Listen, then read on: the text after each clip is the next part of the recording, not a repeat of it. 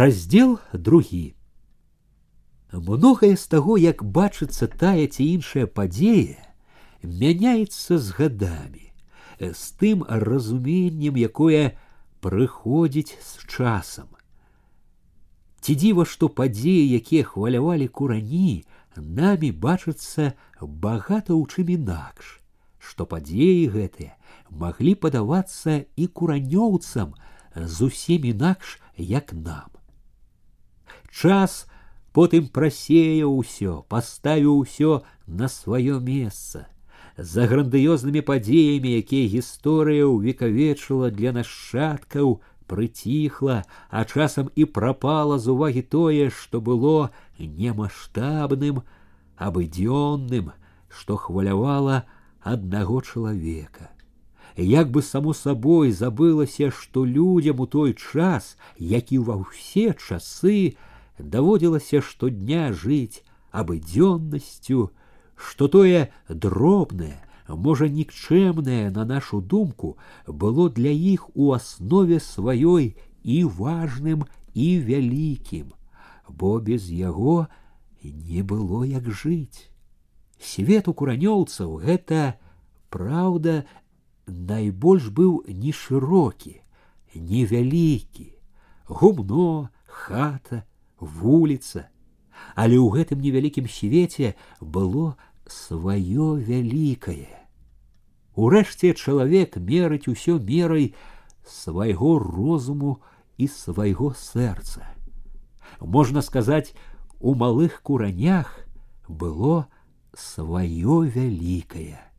Важнымі і вялікімі былі клопаты, важнымі і вялікімі былі няўдачы, загадкі, вузлы, якія завязвала дзень за днём жыццё яны былі такімі вялікімі што за імі часта не быў добра чуцін гул вялікіх перамен у краіне прыціхала чуццё перамен нават у саміх куранях тым больш што багата хто і не хацеў чуць іх не хацеў глядзець далей за свой плод сваю мяжу для іх усё што вяла ім доля малое і вялікае было жывым жыццём карэнні якога перапляталіся густа моцна і блытана ім не было відаць тое што мы бачым за сабой для іх усё было наперадзе ім трэба было ісці няходжаным полем непражытага жыцця ад самага світання ледь пачынала шарэць балота, хапаліся хутчэй нанова накруціць анушы, падсілкавацца абы чым трохі, ды за косы па вадзе, па мяккай пакошы да мокрай, з шызым важкім бляскам травы. Жанкам пакуль было вальней, але скора і ім і подлеткам перадыху не было з граблямі з насілкамі хутчэй знесці на сухое хутчэй паварушыць каб дасыхала хутчэй скласці ў копы ў стагі да самага вечара пакуль не напаўзалі густа потемкі балота было ў клопаце у руху у вялікай няспыннай гонцы. Мужчыны і жанкі, старыя і малыя, рупіліся з радамі, з копамі, са стагамі. На другі дзень пад поўдзень стала вельмі парыць. Калі сабраліся пад дубком і возам папалуднаваць, стары глушак прамовіў неспакойна: на сон хіліць нешта. Кеп дождж не прыгналу. Даганны голас яе дайшоў як бы здаля, не дачула ўсяго з мора сона наваліліся на яе адразу ў момант стерлі ўсе гукі усе думкі але калі стары разбудзіў усіх клопат зноў падвёў ганну да калыскі невясёлая нямоцная была сёння верачка. Яшчэ доўга да вечара захмарыла ўсё, пацямнела навокал, завуркатаў наводдаль гром, глушак падганяў усіх прыбраць хутчэй падсохлае сена, скапіць. Сярод шалёнага гону Ганна похапкам адбегла ад іншых, кінулася к дубку, грудзі занылі ад трывогі, Вера была гараченькая, тварык, цельца пачырванелі, дыхала часцей, цяжэй, як бы змораная. Ганна сказала пра свой неспакой яўхіму, той выцер пачарнелыя сасмяглыя губы, зморана супакоіў, духата. От і дыхае так. Тут сам як не задыхнешся. Праўда, душно было вельмі. Аж млосна станавілася ад задухі, у руках, у нагах ва ўсім чулася слабасць. І з вялікім намаганнем падымала насілкі з сенам, цераз сілу цягнулася да капы, але дачушцы не стала лягчэй, і калі па ўсім балоце, гнучы лозы і гонячы жмуткі сена, пайшоў свежы, широкі ветер. Стала лепш, здаравей, а верачка ўсё млела і хапалася дыхаць.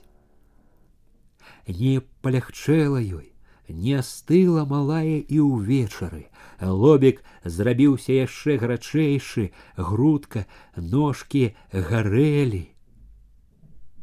Прастудзілася, ці што? У голасе старога глушака ганні пачуўся папрок, не ўберагла. Далі папіць малой чабаровага настою, і неўзабаве ва ўсім глушаковым табары чуліся сапенне ды храп. Даўжэй другіх не лажыўся, хадзіў каля ганны, што гнулася пры калысцы сцяпан але змора нарэшце ўзяла і яго. Толькі ганне не спалася. Хілілася над калыскай, услухоўвалася, як малая дыхая, асцярожна дакраналася да лобіка, ўсё хацела пачуць, што гарачыня ў верасцы ападае укрывала, затульвала с собой ад ветру, ветер быў неспакойны, холодны, як крынічнай вадою абліваў шыю. Прыйшлося сцягнуць на сябе посцілку, амаль увесь час, а нядобра, трывожна шумеў дуб, пахла навальніцаю. Чаканне яе таміла душу але зіхала і грымела ўсё наводдаль, нібы навальніцы хацелася больш памучыць яшчэ, падыходзячы. Няхутка набліжаліся бліскавіцы, паволі раслі, мацнелі грамы і ўсё ж подступаліся, гразіліся. Вось ужо сталі заходзіць збоку, як бы акружаць, Ветер таксама нібы цешыўся людскім неспакоем. То ўціхаў на хвіліну, то налятаў з новым шалам, біў вільгаццю і холадам. Старыя даўно не спалі, гнуліся побач з ганнаю, хрысціліся на кожны бляск, кожную грымоту. У водбліску маланак верачым тварык здаваўся белым белым, без крывіначкі а малая таксама не спала, але вочы ледзь расплюшаныя глядзелі неяк безуважна, як бы поўныя сваёй турботы. Не бойся, и это Илья катается. Илья, пророк, туліла малую ласкава і трывожна шаптала ёй Ганна. Ён добры, ён малых не чапае, Ён толькі здаецца такі страшны, а напраўду ён добры, добры. І ў громе чула, як цяжка, часта дыхае верачка, хоць словам, хоць чым-небудзь хацела памагчы малой. Ужо блізка да раніцы прорваўся загуў вакол дождж спорны, але нядоўгі. Калі ж ён сціх, блізкала і грымела далёка. А раніцай усё паравала. Усё балота было як у дыме, просветленным сонечной яснасцю. Блішчала зоркамі раса на траве, вода на дубах, на кустах лбазы. Усё, здаецца, зіхцела, зычыла радасць. Дзень ішоў пагодны. У сонечнай весялосці глушакі хутка як бы забылі пра бяду. Косы сцяпана і яўхіма ўядаліся ў мокрую траву са смакам. Глушачыха і халімон, нібы помаладелыя, разварушвалі і разварушвалі копы, пераварочвалі рады. Стары сухенькі, метуслівы, хапаўся сам і падганяў іншых. Усё баяўся ўпусціць час, бошкаў, каб пратрымалася надвор'е. У Ганны ж граблі валіліся з рук. Распора скідала іх і стомленая, важкая ад бяссонні і трывогі, праставала да дубка да калыскі. Усё чакала, што верачцы палягчэе, а дачушцы было горш і горш, дыхала часцей і цяжэй, аж задыхалася. За ёй падышоў, пастаяў са спачуваннем каля ганны каля малой сцяпан. Не сказаў нічога, толькі ўздыхнуў, патупаў да воза, падняў біклагу напіцца. Падбегла, пабедавала старая, але праз хвіліну кінулася да грабель, баючыся трапіць на халімонаў гнеў. Падышоў быў на момант і яўхім. Ганна чакала, што падтрымае неяк, параіць што-небудзь. Ёй так патрэбны былі цяпер добрае слова, падтрымка, але яўхім адно прамовіў: Перахварэе, здаравей будзе, Поўная адзінокасці і непадзеленай трывогі Ганна раптам кінулася да сваіх. Калі бацька, уткнуўшы касё ў купіну, узмакрэлай на грудях і пад пахамі сарочцы стаў побач, яна пачула сябе малою, бездапаможнаю, ледзь утрымалася, каб не заплакаць, але не заплакала. З дзіцячай надзеяй і давер'ем повела мачыху і яго даверачкі. Абы гарлавой не было, сказала мачыха, прыгледзеўшыся да малой, якая аж роцік раскрыла, хапаючыся дыхаць. Яна як бы пашкадавала Ганну, але, здаецца, не павінно, у гэты момант Ганна чула ў ёй сваю добрую, шчырую маці. У горы яны раптам сталі блізкімі і роднымі. Бацька параіў Ганне: Як не палягчэе, трэба пазнахарку. У Юравічы трэба, адгукнуўся Андрэй руды, спрактыкавана зазіраючы пад полах. Ніхто не заўважыў, калі ён падышоў, і ніхто не ведаў, як ён мог дачуцца, што тут можа спатрэбіцца яго парада. Але ніхто і не здзівіўся таму, што ён тут, што ён раіць, ці многа было ў куранях спраў без Андрэевых парад. У Юравічы паўтарыў ён павучальна. Доктор Янушкевич там е такі, так скаць свяціла на ўвесь свет, у мозары знаюць. Можна і к доктару згадзіўся бацька, коні ў яўхіма добрыя, у мент занясуць і ў юравічы. Занясуць та занясуць, пакруціла з нейкай загадкай мачыха, а толькі ці на добро. Знахарка Дело пэўнае, усякі знае. темнота наша. Выдумляем, чорт знае что. Андрей стаў гарачыцца, горача сказаў Ганне: « Едь, не сумнявайся, ад любой хваробы ўраз вылечыць. Толькі, следовательно, чтоб не поздно приехала. Стары глушак, які таксама падышоў, слухаў, адгукнуўся строга: « Не апознімся, калі трэба будзе.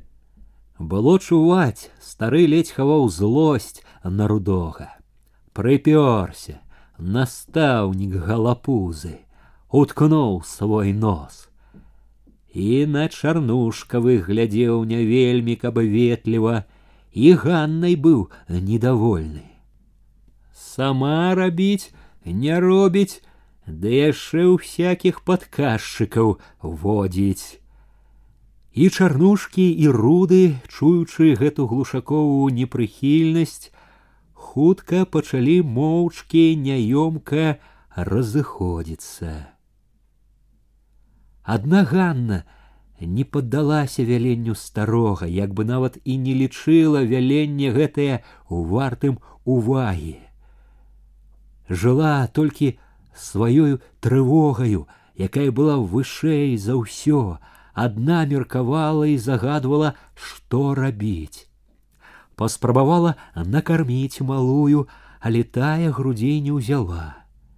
Захінуўшы полах, поўнічыся неспакоем, рашучая, Ганна падалася не да грабель, а да яўхіма, што зацята вымахваў перад сабою касою стала перад ім, колючы сухімі нядобрымі вачыма выціснула як бы патрабавала гарлянка можа ў яе а яўхім стомлена павёў плячыма перагнуўся трохі назад хацеў разварушыць здзірвянелую спіну шчэ што выдумаеш пабачыў бы якая яна бачыў уже няма ў яе ніякай гарлянкі. Застудзілася, потная, от і ўся гарлянка, задыхаецца ж, прастудзілася, от і дыхае так. А ён правёў рукой па касе сцёр прыліплыя мокрыя травінкі, Яму бачыла Ганна хацелася кончыць гэту гаворку, але яна як загадала: к доктару у юравічы трэба павесці там е кажуць добры доктар трэба так трэба раптам згадзіўся ён тут жа павёў позіркам у бок старога дадаў падажджэм толькі да вечара чаго ждаць падажджэм цвёрда сказаў ён пабачым Яўхім апусціў касу ў траву, як бы даў знак, што гаворка скончана. Няма калі тут расстарэкваць попусту. Вечарам дачушцы не было лягчэй. І калі пасёрбалі баршу ў потімку, Яўхім сказаў старому, што трэба нешта рабіць. Сцяпан адразу ўхапіўся за яўхімавы словы, заявіў, што трэба зараз жа ў юравічы ці ў загалле. У юравічы ці ў загалле стары скрэк там падняўся, кінуў нелагодна з папрокам. Сена унь гніе. Да ранку можна вярнуцца вернешься, пустять яны. Месяц потом держать будут, ды скажут ще одну малую не можем и матку яе трэба, чтоб доглядала, а матцы скажут, возить трэ есці кажуть день. Не скажут, абыдуся я калі на тое. Я могу избегать, сказал Степан дарога недалёкая бацька нават не зірнуў на яго абыдзешся у старога ўсё расло раздражненне е то цяпер гаворыш абыдзешся а посядишь, выгуляешься. Где это я выгуливаться буду? Что вы говорите? Знаю, что кажу, где, где буду. Ведомо, где, там, куды вести просишь. Куды ехать советуют советчики всякие.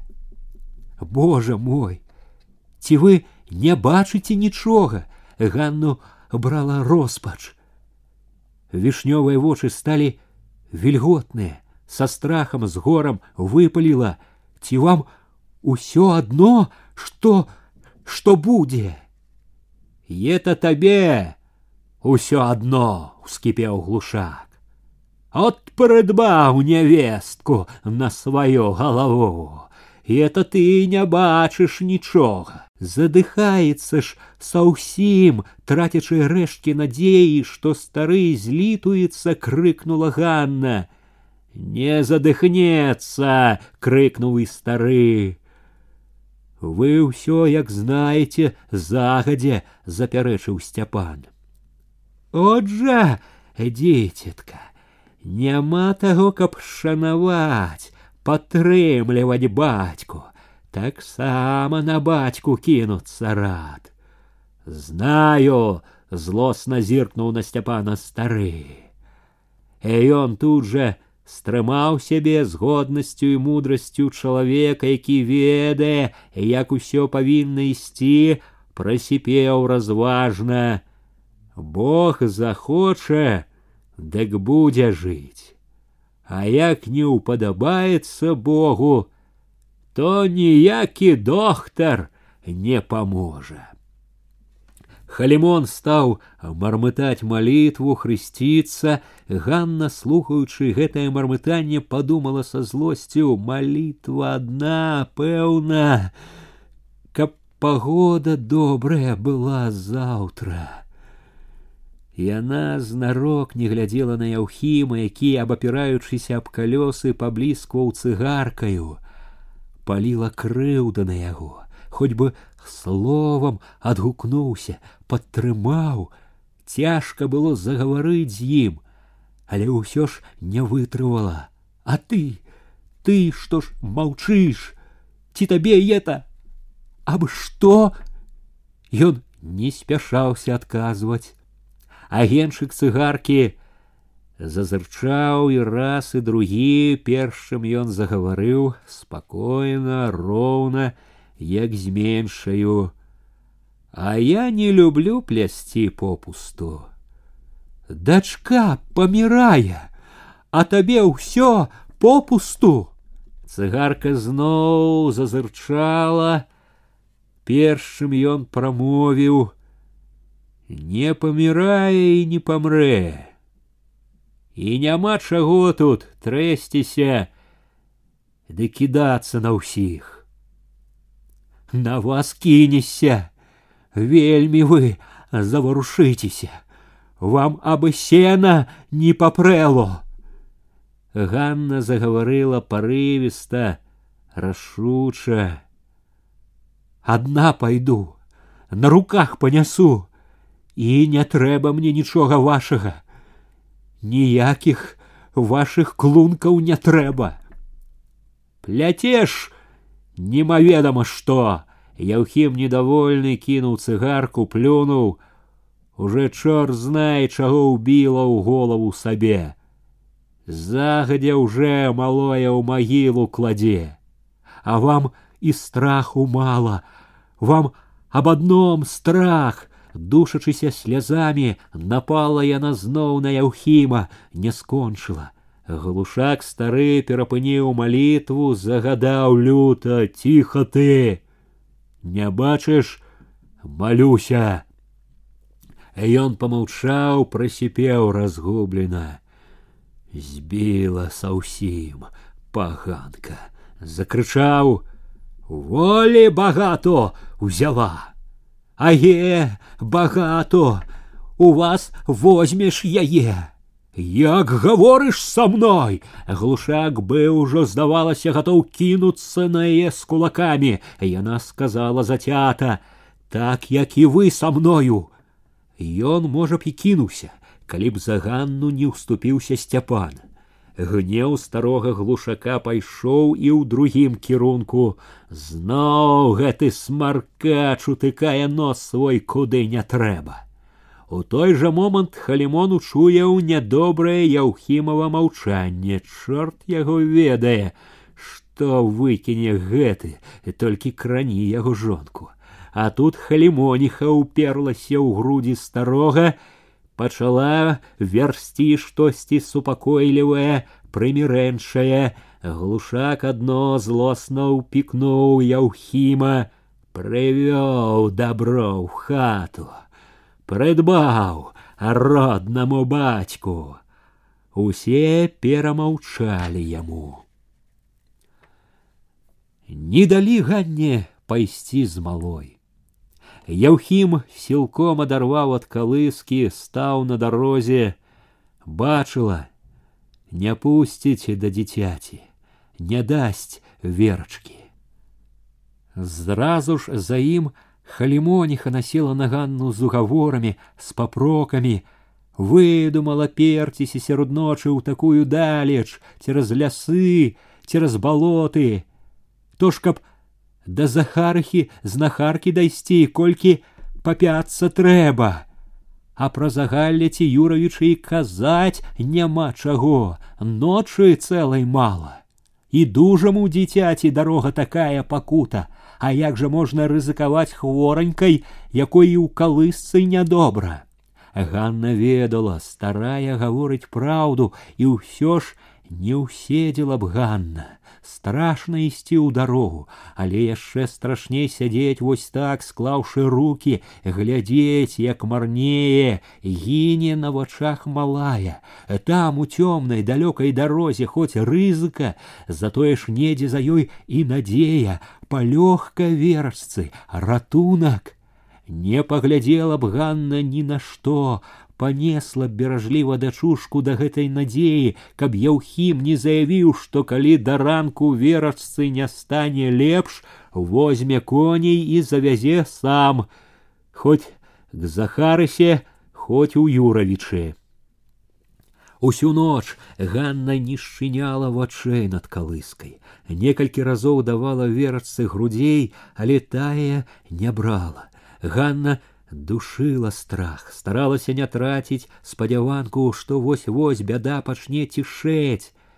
Перастане дачушка гарэць, кідацца, задыхацца і баялася бяды і не верыла ў яе, у жорсткасць, безлітаснасць лёсу, не хацела, не магла поверыць, што можа здарыцца страшнае, ад адной думкі, пра якое ўсё халадзела ў сярэдзіне не чуючы ніадкуль падмогі, вымушаная сядзець, чакаць, што прысудзіць лёс, увесь пал анямелай ад страху з трывожнай упартай надзеяй душы аддавала малітве. Усё залежала ад Бога, ад яго літасці, яго чуласці. Калі малілася, думала пра Бога, цешыла сябе, Ён усемагутны, справядлівы, заступіцца, не дасць у крыўду. Не можаш быць, каб ён не зжаліўся, каб адабраў у яе самае дарагое, адзінае, што яна мае, чым толькі жыве якіх ласкавых слоў не нагаварыла яна малою гэту на ўсё жыццё помную ноч і бадзёрыла і абнадзейвала і абяцала яшчэ трохі пацярпе ужо небагата асталося хутка будзе добра прасіла маліла ў роспачы хілілася над дачушка якая ўсё хрыпела задыхалася зноў і зноў давала малой грудзей, усё не траціла надзеі, што возьме, пап'е, падужэе верачка, але дачушка не брала, не піла. Ніколі ў жыцці не было ў Ганны такога гора і такой любасці, такой прагі аддаць усю сябе другому, каб толькі яму хоць трохі палягчэла. Як і рвалася, хапала паветра гарачым агністым роцікам, як пакутавала бедная дачушка, як дужалася з зацятай хваробай маленькая, такое кволае, згаладалае, аслабелае цельца. Вось вось не мела ад страху Ганна, не вытрывае, здасца, сціхне без сілы. Малая ўсё кідалася, ўсё хапала паветра, змагалася за жыццё як у страшным трызненні была тая ноч. І духата з вечара, і налёты холоднага ветру сярод ночы, і бляск маланак, і грымоты, і дождж, шумлівы, холодны, усё гэта было нібы тым жа трызненнем, усё спляталася з надзеямі і адчаем той бясконцай ночы. Верачка перажыла ноч. С хвіліны на хвіліну павінна было показацца солнце. Болото, лес, свет цэлы чакаў, калі яно выблесне, зазяе. У чаканні гэтага хараства штосьці новае, абнадзейлівае зацяплела ў душы ганны. Яўхім устаў, ускінуў аброці на плячо і пацёгся па коней. Значыцца, хутка ў дарогу, дзе верачына збавення. Можа, гэты дзень будзе шчаслівы, дай Бог, каб ён быў шчаслівы. Ганна ўжо намерылася сабраць, што трэба ў дарогу, калі верачка трудна захрыпела, напружылася, як бы хацела ўзняць галоўку, аж выгнулася ўся, раз, другі і сціхла. Ганна глядзела на яе, няцямна, не разумела, не верыла. Малая не дыхала. У Ганны самой сцяло дыханне. Сама на нейкі час перастала дыхаць, адно глядзела, глядзела дачушка, хоць бы варухнулася. У вачавіткі з кволага тварыка стала хутка спадаць чырвань, лобік шчочкі, насок хутка бялелі, Верач застраў у горле жахлівы крык, і дзіўна паслабелымі рукамі схапіла, прытуліла яе яшчэ цёплую, яшчэ нібы жывую, прытуліла да сябе, як бы хацела аддаць ёй сваю цеплыню, утрымаць жыццё, верачко, дзіцятачко, донечка моя, не трэба не трэба шаптала стагнала маліла чуючы адно верачка халаднее не ўбачыла як узышло сонца як усё зазіхацела тысячамі зорак расінак не пачула як пад'ехалі калёсы не зразумела чаму яўхім сказаў ну вот можна ехаць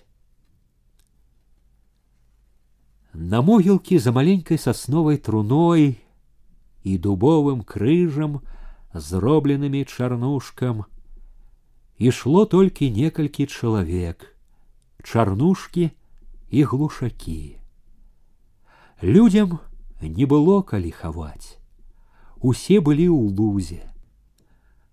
Ганна сядзела на возе над незачыненай труной, як бы абдымала яе рукой, Голова яе была схілена, солнце паблісквала ў шаўкавістых валасах, пасма якіх, непрыбраная, звешвалася на лоб.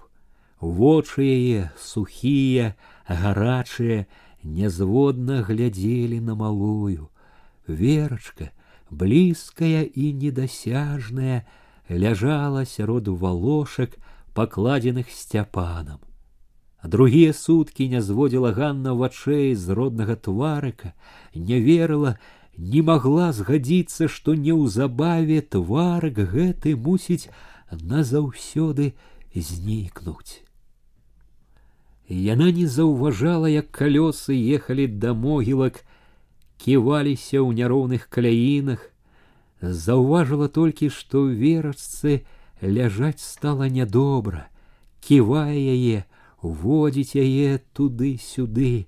У адным месцы калёсы, аб'язджаючы яму, вельмі нахіліліся і ў Ганны аж пахаладзела ў грудях, калі ўхапіла, падтрымала верачку, каб трохі упала б, пабілася б балюча дачушка.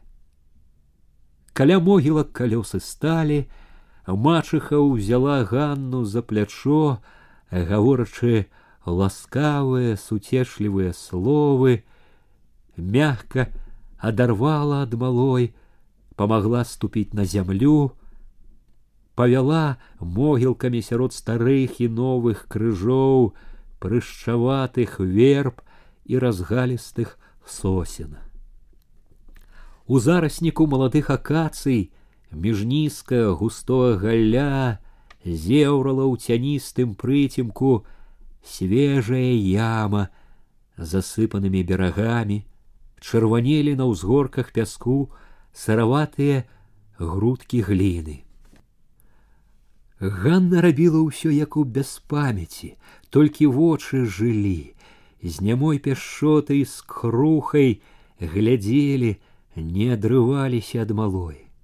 Яна моўчкі стаяла з мачыхай, калі здымалі труну, ставілі на зямлю, калі поп казаў штосьці, моўчкі паслухмяна падышла развітацца з малой. Прытулілася да тварка, хвіліну паляжала побач, але як мачыха ўзяла за плячо, паслухмяна паднялася. Калі ж бацька ўзяў вечкай хацеў накрыць дамавінку, з Ганны без памяць як бы спала раптам. Яна як бы ажыла ў момант, нібы пры бляску маланкі ўбачыла пясок, гліну, цёмную зеўру ямы, убачыла, даўмела нанова жахнулася, вырвалася з рукі мачыхі поўная роспачы і нястрыманай сілы з крыкам кінулася да труны не Яна упала на зямлю, абхапіла дамавіну, прынікла да малой, шаптала, задыхалася ад гора, ад любасці, не дам, не дам дочачку маю, кветачку маю, мальвачку маю, не дам, не дам, вяргінечку маю, півонечку маю малую не дам, не дам. Яўхім хацеў падняць яе, але яна адштурхнула яго, упала на дамавіну зноў, не дам, не дам. Тады падышоў да ганны бацька, лагодна схіліўся Ганну. Яна зноў стала бязвольная, нема, незварушна глядзела, як накрылі века, што схавала, назаўсёды аддзяліла ад яе родны твар. Калі бацька прыбіў века цвікамі, стары глушак падцягнуў пад дамавіну з двух краёў вяроўкі, стары і сцяпан пачалі спускаць на вяроўках труну ў яму. Опускай, опускай, сіпеў сцяпану спалоханаму, няўпраўнаму стары, ці заснуў. З краю ямы цурчэў, асыпаўся пясок. Калі дамавіна легла на дно, сцяпан спыніўся, не ведаючы, што рабіць з вяроўкай. Стары недовольна буркнуў, каб пусціў яе, выцягнуў акуратна, дзелавіта зматаў. Кінь грудку на дамавіну, шапнула ганні мачыха, і яна ўзяла камячок квола без сілы выпустила ўніз. Пачула, як стукнуў камячок, отступила и раптам тихо, без силы, объехала на землю. Каб трохи упала б, ледь намаглася ўтрымацца. Бацька заўважыў, што ёй пагана стаў побач, паклаў руку на плячо, быццам супакойваў, даваў сілу. Стукалі, стукалі грудкі спачатку моцна гулка, потым мякчэй. Яўхім кінуў некалькі жмень, Сцяпан ухапіў жалязняк, што тырчаў у баку, як бы спяшаючыся кончыць усё, стаў сыпаць зямлю на дамавіну хутка, без перадыху. Неўзабаве на тым месцы, дзе была верачка, гарбацілася толькі горка свежай зямлі, ды тырчаў новы крыж. Стары глушак, прымяў зямлю, падсыпаў, падраўняў, перахрысціўся. Момант пастаяў ціха, потым зірнуў так, нібы паказваў: от і ўсё. Можна і вяртацца, памянуць нябожчыцу. Пакорліва, разважна прамовіў: Бог даў, Бог узяў. Ён намерыўся ісці, калі Ганна раптам узнялася, ніжучы гарачым шалёным позіркам ступіла да яго. Это вы, вы! Ён нельга сказаць, каб збянтэжыўся, але стаў. Перахрысціўшыся цярпліва, покрутил сухенькою головою, ошалела дурная, сама не ведая, что верзе. Подскочила мачеха, хотела супокоить, але Ганна слова не дала сказать ёй, полная крыўды, болю, нянавісці, гневу, што душылі яе выдохнула зноў зацята люта. Вы, вы загубілі донечку маю, загубілі. Стары кальнуў яе злым, вострым позіркам. Гора горам, а трэба ведаць, што гаворыш. Таго Такое страхотце ни за что узвяла. Быть бы большай бядзе, калі б глушачыха, што хвіліну назад стаяла над магілкай са слязамі, не заўважыла, як ад калёс нядобра рашуша ступіў да бацькі сцяпан, кінулася да сына, уткнулася ў грудзі, утрымала, ледзь утрымала.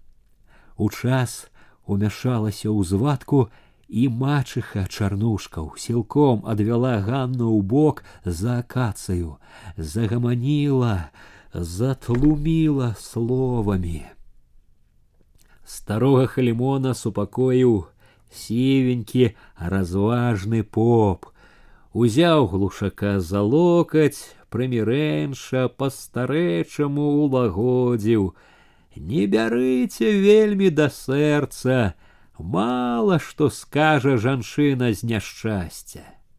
Ён яшчэ нешта лагоднае гаварыў, ведучы старога з могілак, за папом і халімонам глушачыха павяла сцяпана. Яўхім, які завяртаў назад калёсы, пазваў Ганну. Але тая нават не азірнулася, нібы і чуць не хацела. Ён пастаяў, пачакаў трохі, упрошваць не стаў, пазваў мачыху. Ідзі, сказаў мачысе бацька, мы потом. Як вам лепей, мачыха паволі бы пасля цяжкай, сумленна зробленай працы пайшла да Ганны. Яны асталіся ўдваіх. Ганна не лямантавала, нават не плакала седзячы на коленцах, ціха гайдаючыся, як лазіна ад ветру, горбілася, журылася над такім яшчэ нязвычным гарбком зямлі. Сонца выйшла з-за галля, паліла ёй ненакрытую галаву, але Ганна не чула. Доўга моўчкі стаяў і бацька. Хадзем уже, нарэшце зварухнуўся ён. Усё адно не вернеш. не пойду я. Не адразу хрыпата адказала яна. Помаўчала, дадала цвёрда: « Не пойду к ім. Доўга угаворвала яе мачыха вярнуцца к глушакам, к чалавеку свайму. Ганна не крычала, што не пойдзе, не гневалася, торопіла адно нязводныя, невідучыя вочы і маўчала, бы не чула нічога. Мачыха гаманіла, гаманіла, потым з лагоднай гамонкай прыбрала ёй раскіданыя валасы, завязала хустку, як хворую, подняла под руку, вывела с хаты. Под руку повела по зачырвоненай заходным солнцам вуліцы, крок у крок тупала побач, боялася, адумаецца, выкіне зноў што-небудзь несамавітая. Але Ганна не выкінула нічога. Цягнулася як сама не свая, як звар'яцелая торопіла вочы, ціха ўвайшла ў глушакоў двор, моўчкі, паслухмяна ўлезла на ганак, каля дзвярэй прыпынілася, абапершыся аб вушак, павяла вачыма, хацела штосьці даўмець і не магла. Мачыха адчыніла дзверы, под руку увяла ее ў сенцы у хату. З лагоднай гамонкай палажыла на ложак, накрыла світаю. Яшчэ як уваходзіла, прыкмеціла на двары старую карчыху і сцяпана, іх пільныя позіркі. Уладзіўшы Ганну, пастаралася сцішыць згадку пра нядобрую спрэчку, прымірыць. Ад Ганны адразу пакіравала на карчоў ганак. Ступіўшы ў глушакову палавіну знарок ветліва, зычліва, дала добрый вечар. І калі ёй адказалі, прыязна, як бы нічога і не было нядобрага, завяла. Такі ж, пэўна, і добры вечар еты. Хоць бы хмаркадзе, як раней. На дождж і не паказуе. Добрая пагода будь мая. На дождж кажу і не паказуе. Дай Бог, кеп не было. Адгукнуўся стрымана глушак. Не будзе, Погода ўжо будзе, па ўсяму відно. Мачыха сядзела, гаманіла з глушачыхай, з глушаком, чапляла часам маўклівага, ваўкаватага яўхіма, усё намагалася палагодніць, прымірыць усіх з ганнаю, гаварыла знарок не аб спрэчцы, цешыла добрай прыемнай гаворкай, зычлівасцю, усмешкай. Э, толькі нібы мімаходам упляла некалькі слоў пра ганну. Не думайце, бо чаго, не бярыце да душы вельмі. Ета ж і раней гарачая была, не дай Бог, а тут гора такое. Гора, канешне, паківала халімоніха. Глушак прамаўчаў, было відаць, таіў яшчэ крыўду, і куліна не стала рызыкаваць. Спрытна перавяла гамонку ў надзейную мірную каляіну, не ўсё адразу.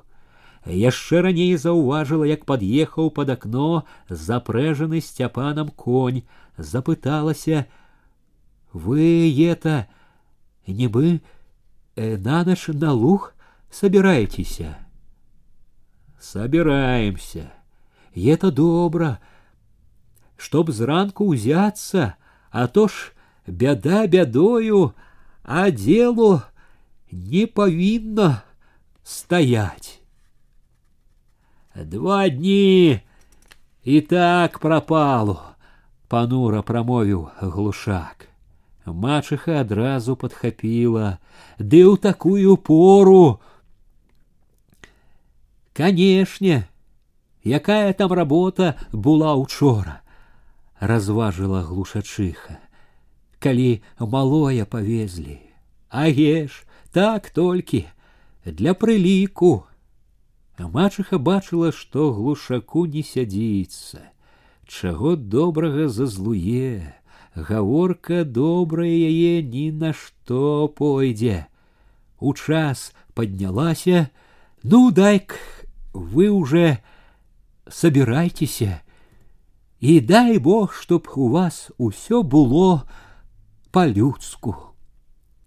Перад тым, як ісці дадому, мачыха зазірнула ў палавіну, дзе была Ганна, паўздыхала, параіла яшчэ, каб не перажывала вельмі за тое, што ўжо не вернеш. Ганна, якая ўсё так жа ляжала на ложку, быццам сляпая, нават не зварухнулася. Але мачыха выйшла на вуліцу са спакоем чалавека, які як мог уладзіў бяду. Нічога, пройдзе, вылечыцца і не такое зарастае з часам.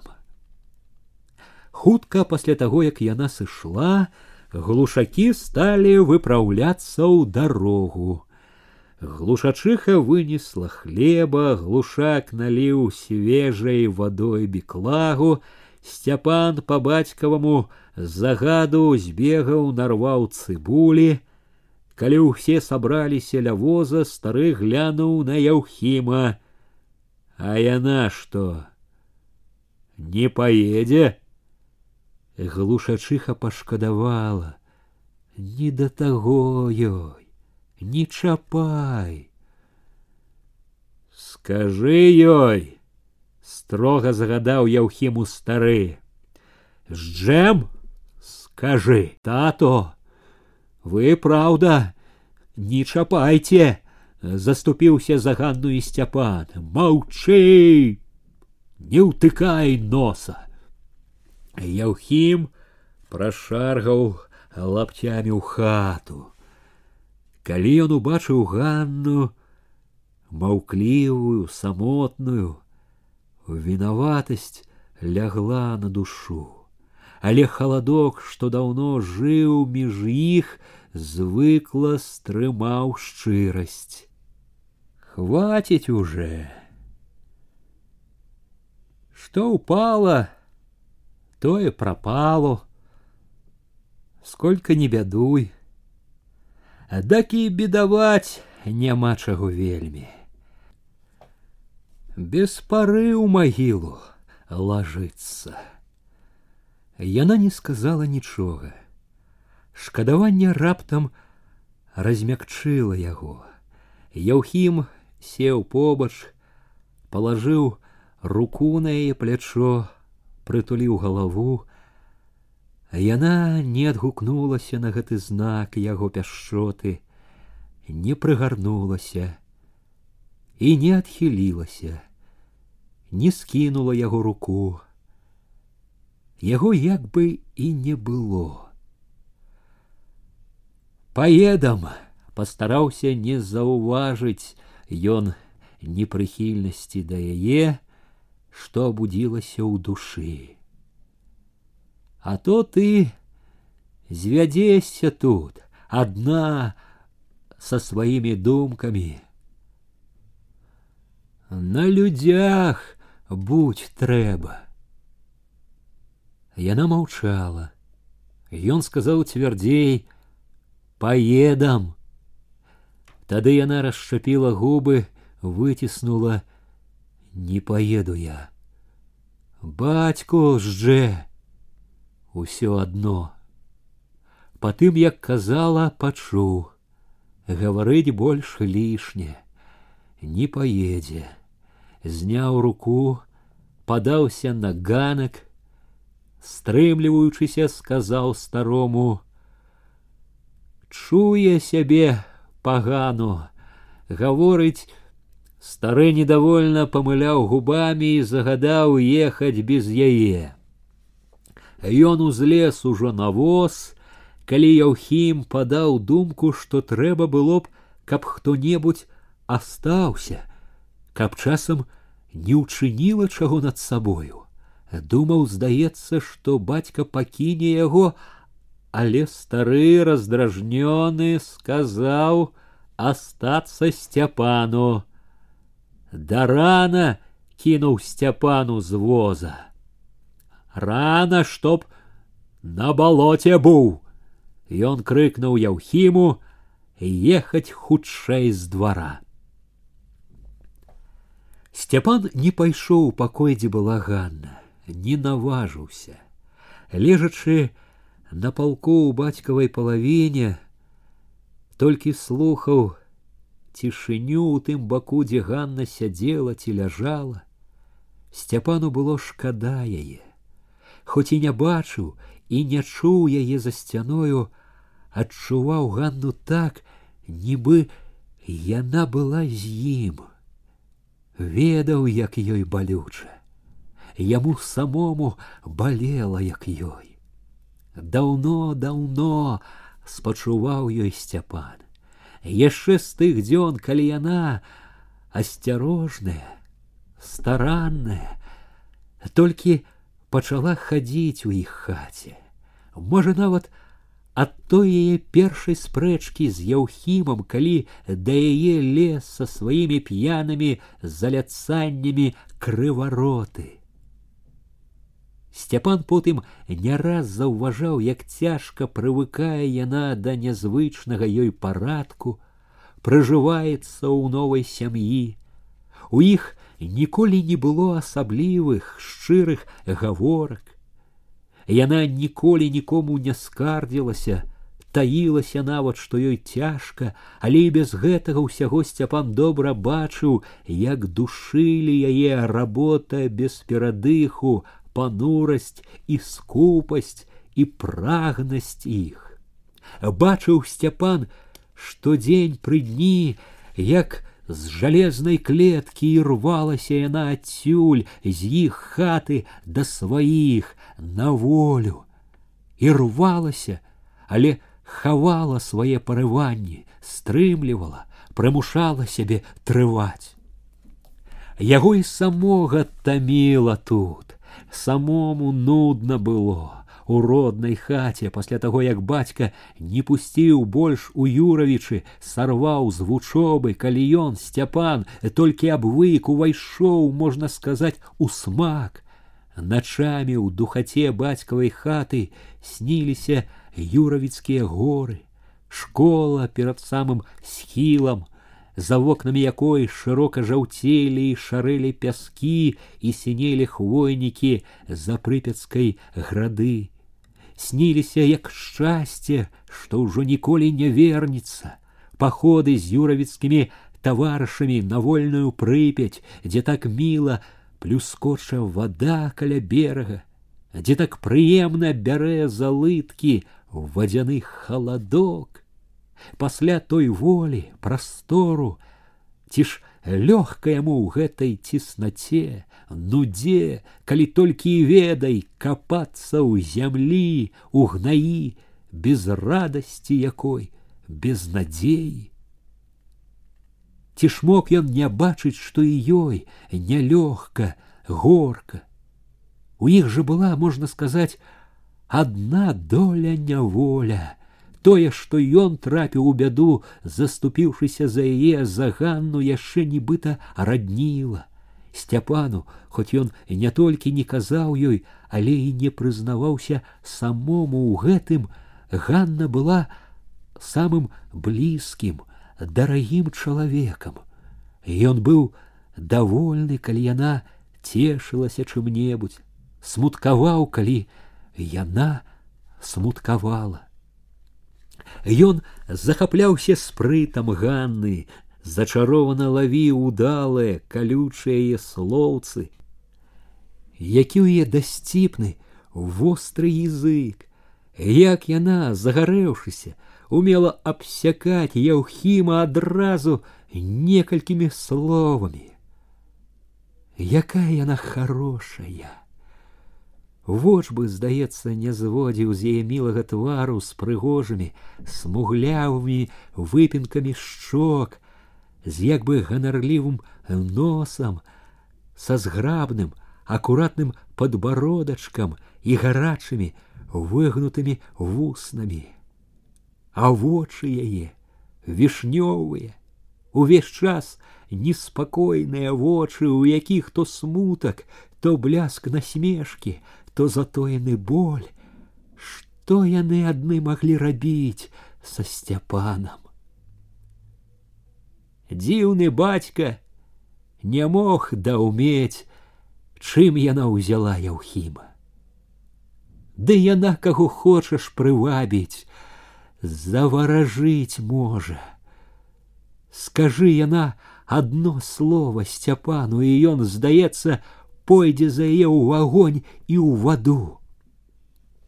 Можа, не было б гэтага жадання, гэтай ласкі да Ганны, калі б было ёй добра, калі б бачыў, што душа яе поўна сваім шчасцем, калі б не заўважыў, што і яўхім, маўклівы пануры затоены ў горкай злоснай недовольнасці рэдка рэдка калі гляне на яе радасным замілаваным вокам чуў не раз пераконваўся сцяпан не любіць яна яўхіма так толькі трывае і ў яўхіма якая любоў калі ў той любові не столькі дабраты колькі крыўды і спасцярожлівасці.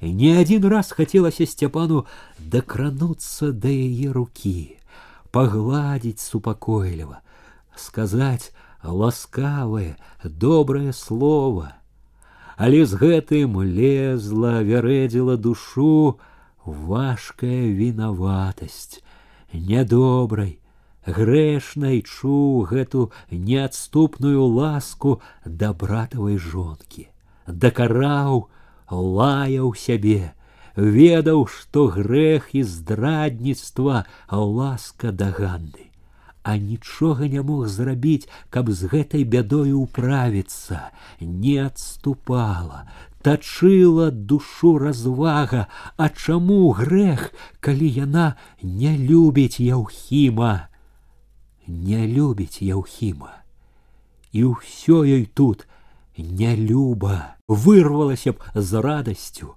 пайшла б куды вочы глядзяць і ён сцяпан мог бы пайсці з ёй куды зажадала б абы воля абы прастор абы разам няхай толькі слова скажа але яна не гаворыць гэтага слова нібы і не заўважае нічога.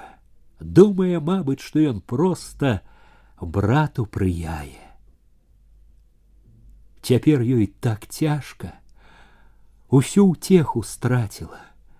Ёй так трэба цяпер апора, апора і воля там, у другім месцы, нішто не напамінала б ёй пра бяду.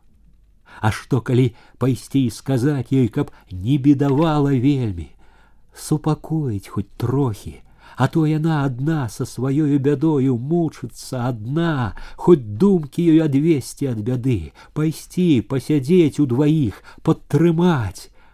А ён падтрымаць можа, не малыш ужо. Каб прыйшлося, дык і сам сабою жыць мог бы, зможа, калі прыйдзецца сваім хлебам пракарміцца, не прывыкаць рабіць, ведае, к зямлёй абыходзіцца, а дзе трэба, то і граматай падрабіць зможа. Пражыве, калі што якое. І другім з ім жыць было б анігадкі, прыпяваючы маглі б жыць не тое, што з бацькам і яўхімам. Ён-то не марнаваў бы работай без перадыху, і не глядзеў бы па-воўчы. А што калі адважыцца і выказаць усё, выказаць усё чыста, на што ёй і яму цярпець, немаведама для чаго, таіцца, выжыльвацца дзень пры дні, душыцца, прасветлены не бачачы, калі багата хто жыве інакш па-людску, калі і ім жыць па-людску не закрыта дарога.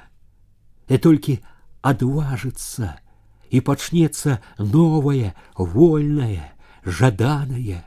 Бацька і Яўхім прыедуць, а іх і след прапаў. Шукай ветру ў полі, Сцяпан аж устаў з палка, захадзіў па хаце, выйшаў на ганак, сэрца шалёна білася пайсці, сказаць усё. Ступіў на яе ганак, да яе дзвярэй, але тут раптам апанавалі яго неадольная кволасць і нясмеласць. Ён стаў, прыслухаўся, можа плача, Тады ён увойдзе, стане суцяшаць і скажа ўсё. Так было б лепш, Аднак плачу не было чуваць. Ён адышоў ад дзвярэй.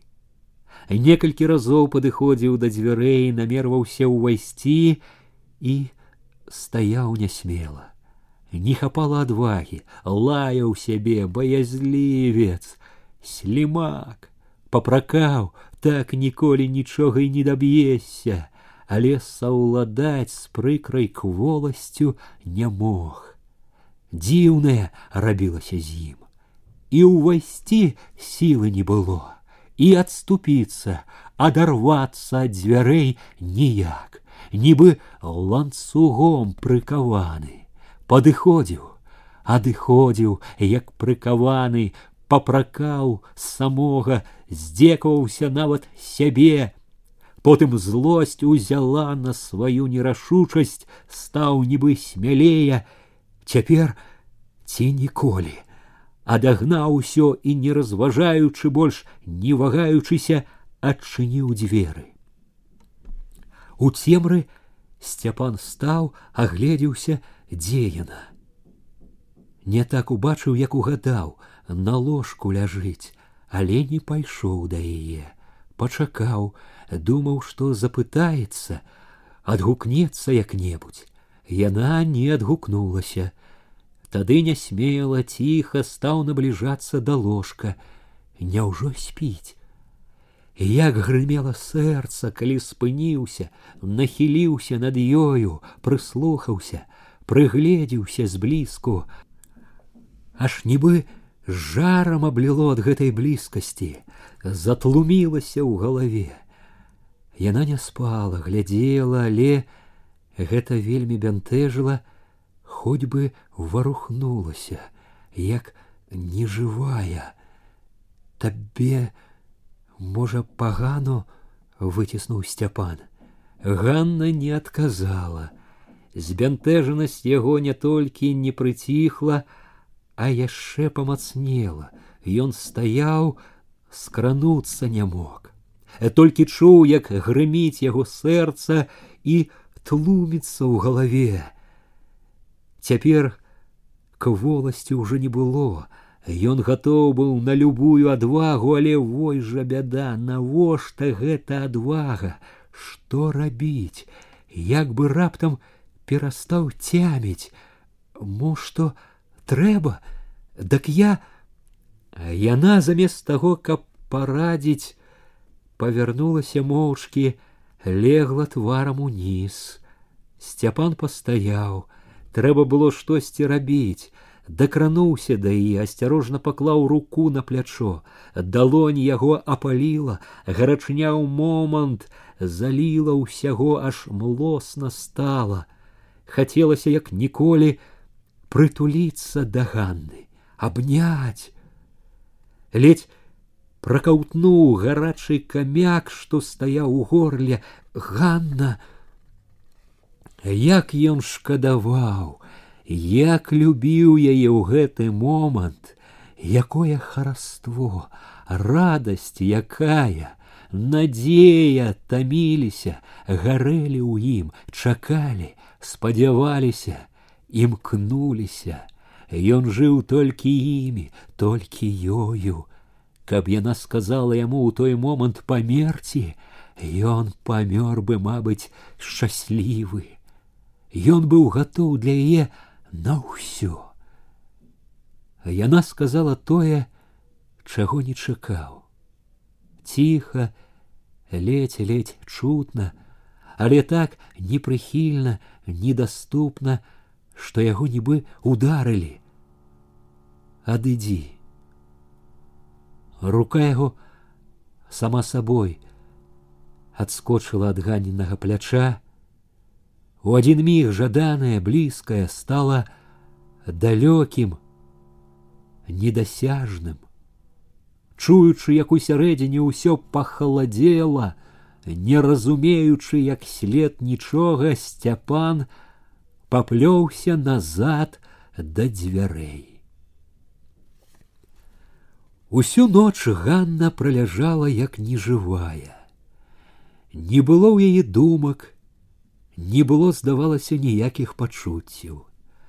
Паўзлі толькі паволі нячутна, як нежывыя, згадкі малюнкі, паўзлі адзін за адным, спыняліся, вярталіся, блыталіся, то бачыла, як малая стрыжэ ножкамі, як камары апаноўваюць кволы тварык, то бачыла, як ківаецца яна на руках беленькая, нібы заснула, калі везла з лугу, як нерухома ляжала ў начовачках, калі мылі апошні раз, калі адзявалі сарочачку, чула, як скрыпала кола, калі ехалі на могілкі, як асыпаючыся шархацеў на труну пясок, і раз і другі, і безліч разоў адводзячы другія згадкі, наплываючы на іх,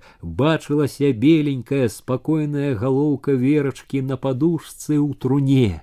Усё, што не ўзнікала, не паяўлялася ў памяці, праходзіла дзіўна спакойна, як бы не адгукалася ў ганненай душы, не чапала яе, не трывожыла, не вярэдзіла болям, нібы не было ні болю, ні гора, нібы перастала раптам чуць іх.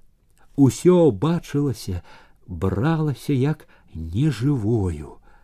Да ўсяго была нячуласць, нячулая галава, нячулае сэрца, сама ўся нячулая. У яе нячуласці непрыкметна для Ганны цвярдзела, камянела нячуласць да глушакоў. У гэту ноч перасталі што-небудзь значыць ёй глушакоўскія хата, двор, хлявы, самі глушакі, датлела, спапялілася тое, што жыло да іх, пакора, цярплівасць, старанне дагадзіць, толькі на світанні калі ў паяснелыя вокны глянуў звычайны такі знаёмы свет які ўсё шырэў прасторнеў пачынаў праменіцца штосьці варухнулася ажыло і ў ёй Калі на раме зіхатнула зайграла сонца як бы льдзінка нейкая бліснула ў ганне стала таять начны каменны цяжар раптам спаў, ганне палягчэла. Але так было толькі міг. Зразу ж за гэтым ажылае сэрца пранізала тугою. Дзень вяртаў да рэальнасці.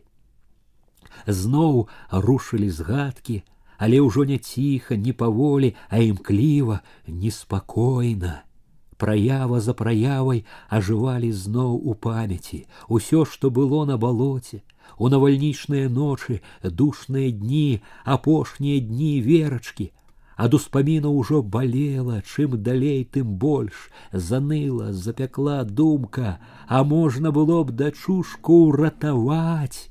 Могла б верачка не ў труне ляжаць под важкай зямлёй, а жыць, жыць, стрыкчы ножками смяяться, радоваться, расти, дужэць, могла б, калі б не глушакоўская прагавітасць, не ненажэрнасць праклятая, калі б не свая віна, што слухалася іх, сядзела, тады як трэба было хутчэй бегчы паратунак, не ўратавала, дала загубіць маленькую, загубіла, можна сказаць, сама.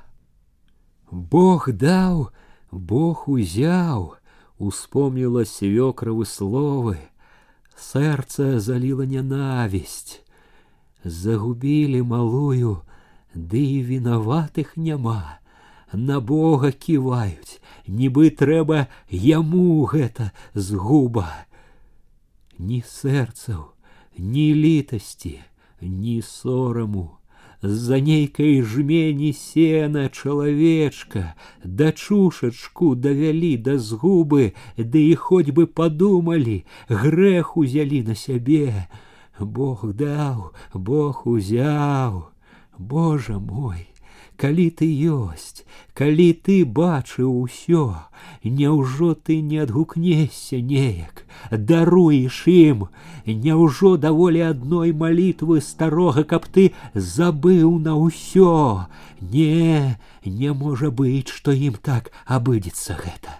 Не можаш быць, праўда. Не было дзе дзецца думак, што і сама вінавата виновата боль за кого-небудзь.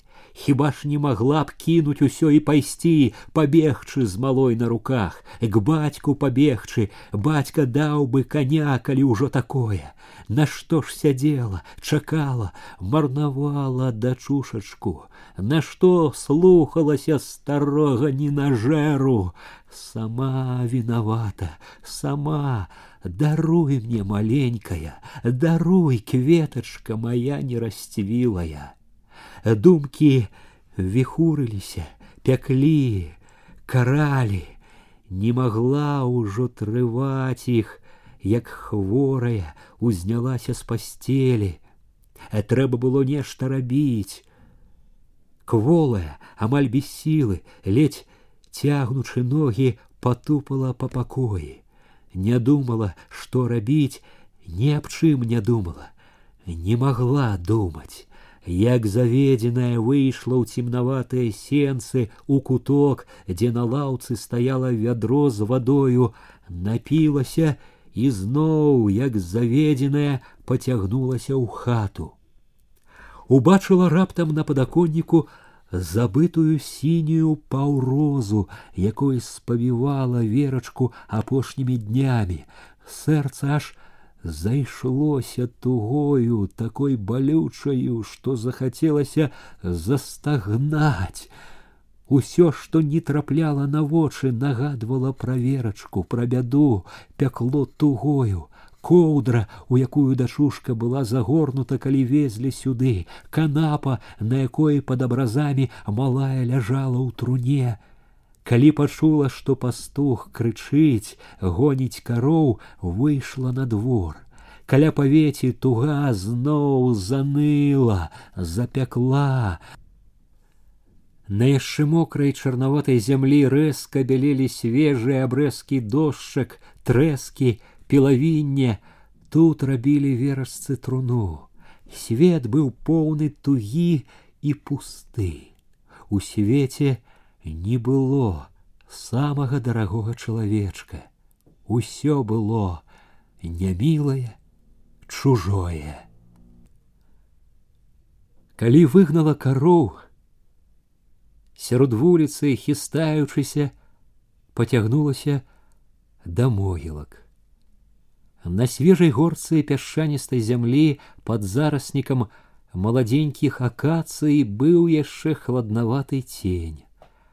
Села каля ўзгорачка, гарбацілася нерухомая, як раней перад калыскай, калі малая спала, чула і не чула. Станавілася цяплей, пахлі завялыя кветкі, гулі, звенелі камары і жучкі. За могілкамі час ад часу скрыпелі, лескаталі калёсы, людзі ехалі на сенажаць. Тут знайшлі яе хведька і бацька. За імі падышла мачыха. Добрае месцічка выбралі, сказала мачыха, азіраючая магілку акацыі. А не гадкі месцечко. Зелена ўсё, як прыбрана, і ёй, мабуць, хораша, што ў таком спіць. Бачыць жа ўсё, бачыць адтуль, толькі што голас падаць не можа. Яна ступіла да Ганны. Пасядзела, пабула, можна ўжо і ехаць. На луг поедам. Поедам, попросіў і бацька. Хведька глядзеў моўчкі з палоханымі вачыма. Яна ўстала, між крыжоў і сосен падалася калёсам. Калі паехалі, мачыха гаманіла, аб чым прыйдзецца, старалася адагнаць ад ганны паганыя думкі, бацька ж маўчаў, адно ўважліва і сумна паглядваў на дачку. Ужо ў лесе ён аддаў лейцы хведьку, развязаў торбу, пад'ела памо. Чарнушка даў ганне хлеб, крышанок сала. Ганна ўзяла, але ела так, нібы не чула ніякага смаку, маўчала, аж пакуль не даехалі да сенажаці. Грабла памагала сваім таксама моўчкі з такім выглядам, нібы не помніла, не ведала, што робіць. На глушакоў нават і не зірнула, быццам іх не было тут на балоце. Толькі пад поўдзень мачыха завяла яе да глушакоў. Ганна пайшла без ахвоты, але ўсё, можа, абышлося б мірна, калі б ля дубка яна не ўбачыла калыску дачушкі. Калыска висела як раней, затуленая полагам, нібы там была яшчэ верачка. Ганна, калі ўбачыла гэта, упала перад калыскай, зайшлася рыданнем. Тут падышоў да яе Яўхім, потны абгарэлы на сонцы, пастаяў трохі, хацеў супакоіць: Ну, хваціць уже. Будуць яшчэ дзеці не зломкі ж самі, не старыя. Думаў, так хутчэй пераб'е плач, пазваў, хадзем, добро прападае. Ганна раптам скінулася, вочы лютыя гараць, яна пракляла, няхай яно згарыць, это ваше добро.